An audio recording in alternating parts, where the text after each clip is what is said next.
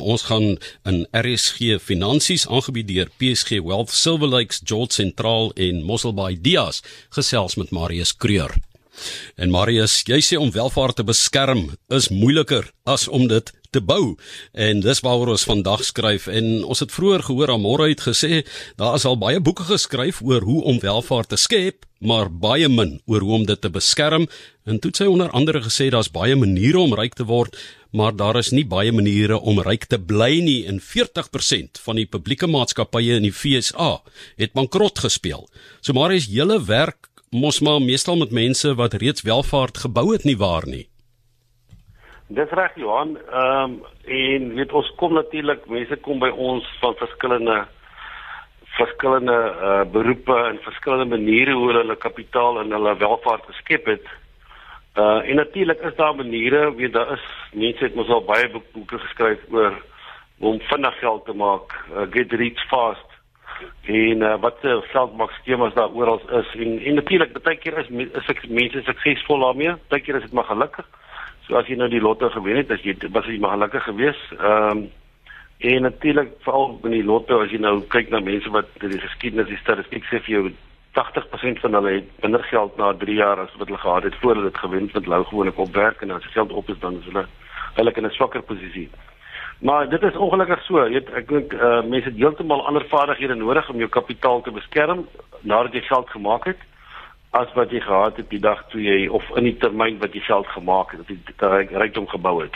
Eh, Marius, daai tydperk wanneer jy probeer om rykdom eh, te bou, dan is daar risiko's by betrokke, daar's optimisme oor die planne wat jy in gedagte het. En soos jy sê, dan moet ook 'n bietjie geluk aan jou kant hê, maar dan watter gesindheid moet jy hê om jou rykdom te beskerm? Ja, om rykdom te beskerm moet jy die teenoorgestelde gesindheid hê. Anderswoorde, nou gaan jy nie meer op optimisties wees en risiko's neem en en allerlei dinge doen nie. Jy moet nou nederig wees En dit is nogal moeilik vir iemand om dit vir iemand te sê wat baie baie geld het. Om te sê jy moet nederig wees, jy moet eintlik baie beskeie wees oor jou geld. En jy moet amper paranoïes wees dat jy nie jou rykdom kan verloor nie. Jy moet besef dat jy soos jy net gesê het, jy het geluk aan jou kant gehad om sommige van die transaksies te doen wat gehelp het om jou ryk, rykdom te bou. Uh, baie mense was op die regte tyd, regte plek, met die regte mense geken het 'n geleentheid gekry en uh daai geleenthede kom nooit nie noodwendig weer oor jou pad nie. En ek dink die fout wat mense maak is hulle dink hulle kan met dieselfde dieselfde resep aangaan om rykdom te beskerm as wat hulle rykdom gebou het. Uh en dit is dit is baie kere 'n katastrofe of 'n resep vir 'n katastrofe. As jy mens kyk na die vaardighede wat jy nodig het om dit te bou, uh daar's 'n miljonair, jy kan dit Google, uh, Michael Moritz wat 'n maatskappy besit met die naam Sequoia Capital in die FSA. Hulle het eendag hom gevra wat is sy antwoord hoekom sy maatskappy na 40 jaar nog suksesvol is. Het hy gesê ek het nog altyd gevrees dat ons uit besigheid kan gaan. Ons neem aan die toekoms gaan dieselfde wees as ons neem nie aan die toekoms gaan dieselfde wees as die verlede nie. Die vermoë om oor 'n lang termyn te oorleef en nie besluite te neem wat jou hele besigheid kan uitwis en het gemaak het hulle kan oorleef wat ons kan oorleef. En ek dink dit is nogal 'n belangrike ding. Ehm um, jy baie keer neem mense besluite oor 'n belegging of oor 'n geleentheid en nadat jy kapitaal gemaak het. Ek kan 'n paar voorbeelde noem. Ek het laasweek lekker by my ou vriend Gert Wessels daar in Ermelo gekuier en ons gesels oor hierdie dinge. En hy het ook vir my dan genoem van mense wat baie welgesteld is wat 'n een of ander skema belê het, al hulle kapitaal verloor het. Uh dis die vinnigste manier. Die ander manier is om te sê maar het omdat ek in die verlede my kapitaal gemaak het byvoorbeeld met kommersiële eiendom, gaan ek daai selfde resep volg in die toekoms. Uh wanneer ek dan afgetree het en ek eintlik my kapitaal beskerm. Nou as iets soos COVID nou met jou gebeur het dan jy heel moontlik 'n klomp geld verloor in vorm van inkomste en natuurlik kapitaal. So die langtermyn wat hy dan noem in sy in, in sy antwoord is om te sê die vermoë moet lanktermyn beleef. Dit is van kardinale belang. Ehm um, daar's nog 'n geval wat ek graag wil noem. Almal ken vir Warren Buffett en vir Charlie Munger van Berkshire Hathaway. En hulle, min mense weet, hulle het 40 jaar gelede het hulle 'n vernoot gehad, 'n derde vernoot, sy naam was Rick Giren. Uh, Rick was skielik nie meer deel van die vennootskap nie, maar Rick het dieselfde vaardighede gehad as waarna hulle om goeie transaksies te doen om geld te maak. En 'n verslaggewer het eendag vir Warren gevra, "Nou, Riek nou nie meer deel is van die vennootskap nie." Het hy gevra, "Wat het van Riek geword?" Dit was Warren Buffett se antwoord. "Ons het altyd geweet ons gaan baie ryk word en dat dit gaan lank vat." Riek het net soos ons dieselfde talent gehad om rykdom te skep, maar hy was haastig. Hy het in 1973 94 74 toe die mark geval het, het hy marginale lenings gemaak in Engels marginal loans.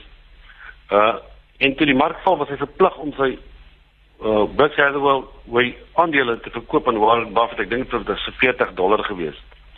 Uh en nou weet jy nie meer wat het van hom geword nie. So die verskil was Warren Buffett het gesê ons weet hoe die proses gaan werk, dit gaan baie lank vat.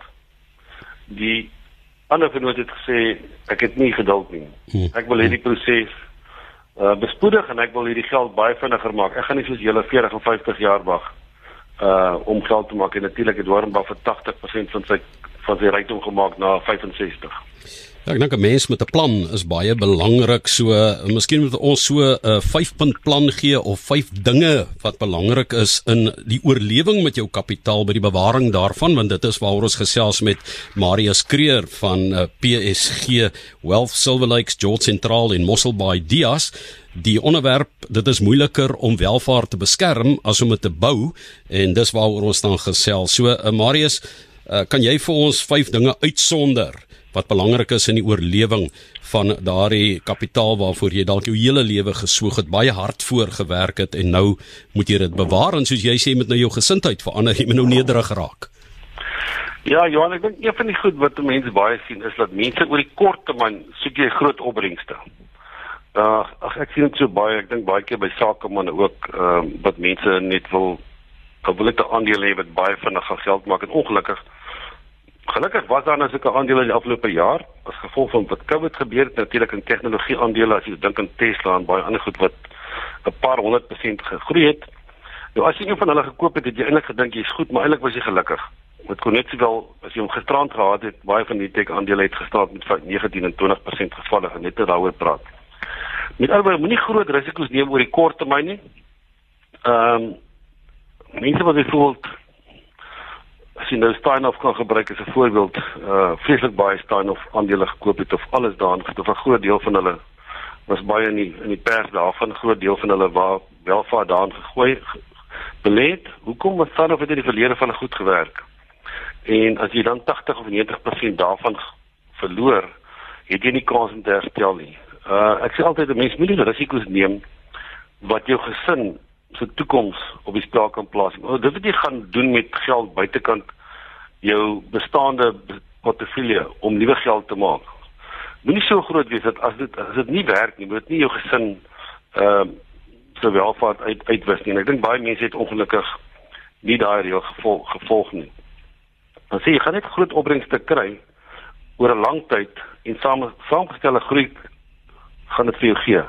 Met ander woorde, jy gaan nie moenie dink jy wil oor die kort termyn nou vinnig geld maak en as daar 'n skema is wat vir jou lyk of jy jou geld gaan verdubbel in 6 maande of 'n jaar, nou het klomp geld laag en ander. Dit is maar gewoonlik wat die fout wat mense maak en geduld is maar ongelukkig een van die goed wat jy moet hê in hierdie proses. As jy dit wil maak en die langtermyn wil ek elke keer weer beklemtoon. Uh, ek kan 'n klomp aandele noem wat ek het een kliënt wat sê hy het al twee huise gebou met Sasol aandele. Hoekom het hulle baie lank gehou en oor die jare het hulle baie opgegaan? Ehm um, en dit vorm gewerk. So daai goed gebeur nie altyd oor die kort termyn dat 'n mens 'n geleentheid kry om 'n portefeulje te bou wat oor die kort termyn vir jou 'n groot opbrengs gee nie. Uh, ons probeer dit ook maar reg kry as ons sê as ons uh vir 'n kliënt oor die lang termyn goeie opbrengs te gee en ons het tyd aan ons kant, dan raak dit op die einde van dag 'n baie suksesvolle belegging. Ehm um, ja, nie ja. baie keer wil, wil mense mos in 'n bulmark as ons bietjie na risiko ook kyk as dit nou 'n bulmark is, dan sê mense vir jou, "Jesus, maar hoekom het jy nog kontant in jou portefeulje? Jy weet, hoekom hoekom is alles nie nou in die mark? Kyk hoe groei die mark." En die mark gee byvoorbeeld vir jou 'n bulmark 15% per jaar en die kontant gee vir jou byvoorbeeld 6%. Maar indien jy die kontant jou help om te oorleef, dat jy nie aandele hoef te verkoop in 'n beermark nie en jy gebruik daai kontant om te oorleef of of op 'n beermark om aandele teen 'n afslagprys te kry. Dan maak jy baie geld, meer geld as wat jy kontant in 'n bulmark wat reeds in 'n bulmark is gaan insit. Dis maar die model wat ons hier by PSG George sentraal gebruik. Uh saamgestelde groei beteken nie jy moet uitstaande opbrengste nie, dit beteken jy moet goeie opbrengste kry oor 'n lang termyn. So dit is so half die eerste punt, eerste van 5 dinge wat belangrik is om te oorweeg met jou kapitaal by die bewaring daarvan. Saamgestelde groei beteken nie jy moet uitstaande opbrengste kry nie, jy moet goeie opbrengste kry oor 'n lang termyn. So ja, dis so dis jy jy, jy dobbel dus nie. so, ja. Uh, en dan uh punt nommer 2. Ja, punt nommer 2 is dis nou dit gaan nou die baie mense moet nou net mooi luister. Jy moet beplanning is belangrik, maar belangrikste is om te beplan dat jou plan nie volgens plan gaan verloop nie. Hæ? Huh? Met, met ander woorde, sê dit net gou weer. Beplanning is belangrik, maar die belangrikste is om te beplan dat jou plan nie volgens plan gaan verloop nie. Met ander woorde, dit wat jy bereken, wanneer mense beplanning doen vir aftrede of vir jou toekoms, maak jy gewoonlik sekere aannames vir inflasie, groei en sekere bateklasse se opbrengste. En jy vat die verlede en jy sê maar die dis die gemiddelde opbrengs wat 'n mens oor 20 jaar gekry het, jy behoort weet te kry. Maar daai plan vir jou moet realiteit oorleef. Met ander woorde, hy moet 'n 11 September kan oorweeg, oorleef. Hy moet die huismarkkrisis in 2008 en 2009 kan oorleef. Ehm um, hy moet dus jy in hierdie goed wat jy nie beplan het nie, moet jy 'n plan hê sê maar as dit gebeur, gaan my my plan my nog beskerm, my bestaande plan. Met ander woorde, dit is nie net ek sit myself soveel in aandele, soveel in eiendoms, want dit is wat dit gedoen het in verlede. Wat gebeur as jy van daai plan lewe en nou gebeur daar 'n ding soos in Suid-Afrika waar aandele vir jou 5 jaar geen opbrengs gee nie. Uh of die wêreldmark te val met 30-40%. As jy dan nie 'n plan het om jou kapitaal te beskerm oor die lang termyn nie, dan 'n plan en 'n binnekant 'n plan het jy probleme. Jou plan moet 'n spasie vir jou gee wat veranderinge insluit.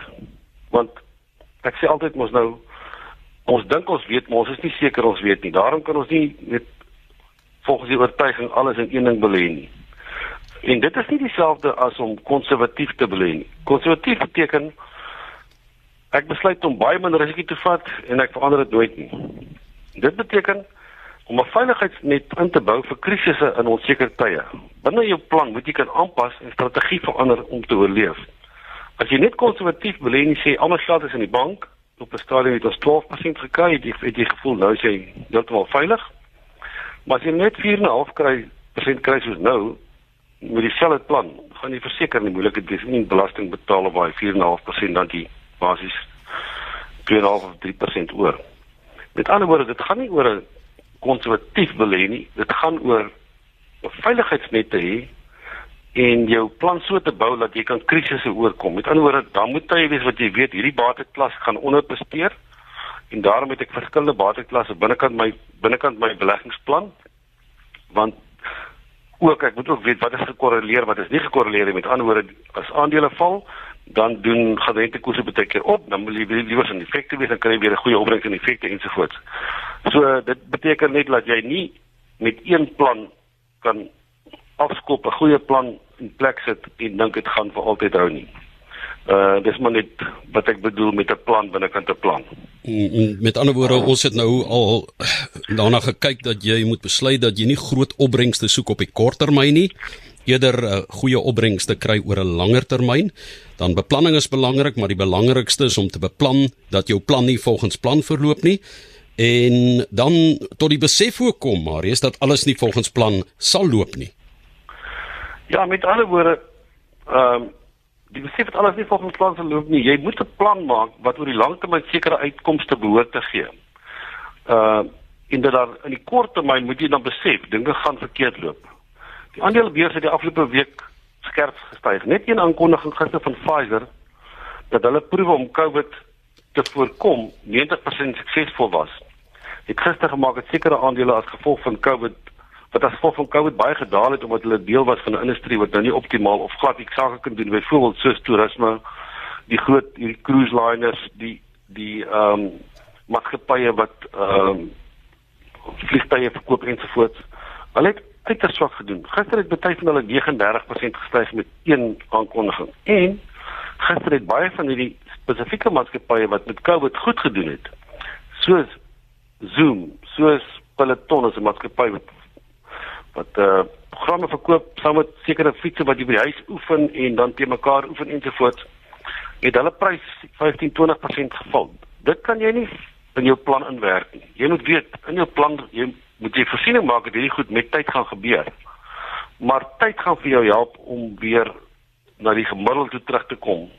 So jy moet weet jy moet jou hande van jou geld afhou oor die kort termyn as hierdie goed gebeur en dit is nogal vir 'n mens baie moeilik.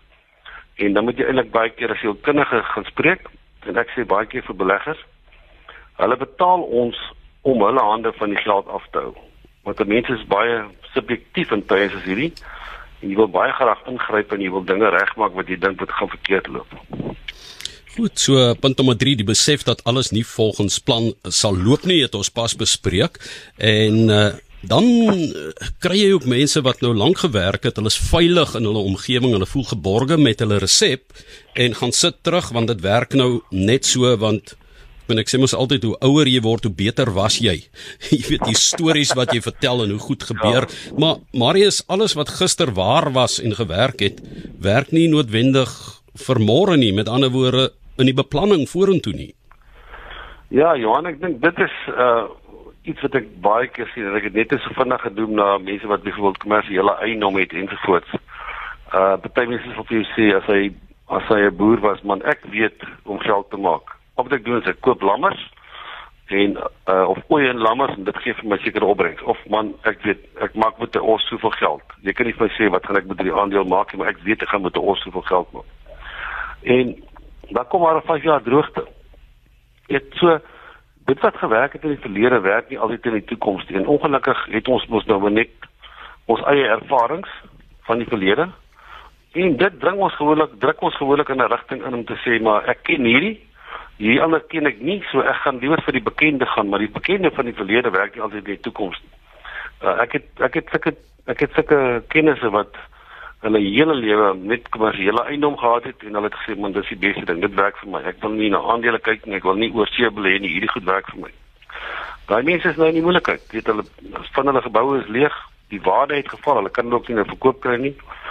En ewe skielik kom hy agter omdat hulle nie gediversifiseer het nie na afdeling het hy nou ewe skielik 'n groot probleem. Ehm um, ek weet van nie en jy sal ook weer daarvan, ek dink Twitter sien mense baie wat van die adviseurs wat vir kliënte gesê het selfs op 17 en 18 rand vat net asseblief koop jou pensioen af en vat dit uit uit land uit. Hierdie land is heeltemal uh kas toe.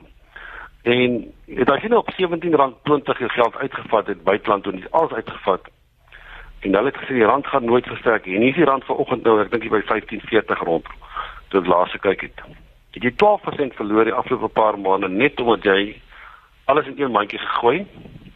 So mense moet nooit 'n alles of niks scenario kies met jou beleggings nie. Jy dink jy weet, maar jy is seker jy weet nie. Ja, nou jy nog daardie geld losgemaak en is belasbaar ook dikwels. Jy weet dan is die verlies soveel groter nog. So ja, jy moet jy sou die belasting moes betaal uit jou pensioenfonds as jy dit onttrek. Alhoewel as jy sê as jy die advies gevolg het om te sê onttrek alles, betaal maar liewer die belasting wat jy gaan iewers opmaak. En die belasting was 30% as jy nou so 42% af op belegging. Dit gaan dit gaan baie moeilik wees om dit weer op te maak. Ja, yes, ek dink dit is die grootste oorweging vir mense om eintlik, jy weet, in gedagte te neem wanneer jy so 'n reuse skuif maak. Maar wat is die laaste punt dan? Ehm um, punt nommer 5 van jou kant af, dit is Marius Kreur met wie ons gesels van PSG. Ehm uh, ek sê moenie moenie risiko neem wat jou ek het dit net te genoem wat jou gesin kan benadeel. Soms sien ek sake maar wat baie suksesvol is wat beleggings doen in besighede wat hulle nie ken nie wat baie winsgewend lyk. Ek het hierdie week het ek 'n uh, oorsig gelees van die CEO van Afrimat en hy sê hulle het laas jaar amper 'n belegging gemaak in Australië want dit dit dit dit, dit vir hulle aangebied is het baie aanloklik gelyk. En hulle het toe baie huiswerk gaan doen en gesien maar nee, hulle gaan nie die belegging maak. Hulle sê indien hulle 'n belegging gemaak het, sou hulle heeltemal uitgewis gewees het nou. So, ehm um, moenie in in in in areas ingaan wat jy nie ken omdat mense daar intrek en vir jou baie goed beloof en jy moenie net na soos soos hulle sê na die spreadsheets kyk nie. As jy 'n spreadsheet belegger is, het jy moeilikheid want dit gaan altyd vir jou 'n mooi storie vertel uh, of dit kan vir jou 'n mooi storie vertel. Hulle belê dan in 'n groot deel van hulle welvaart en so geleentheid.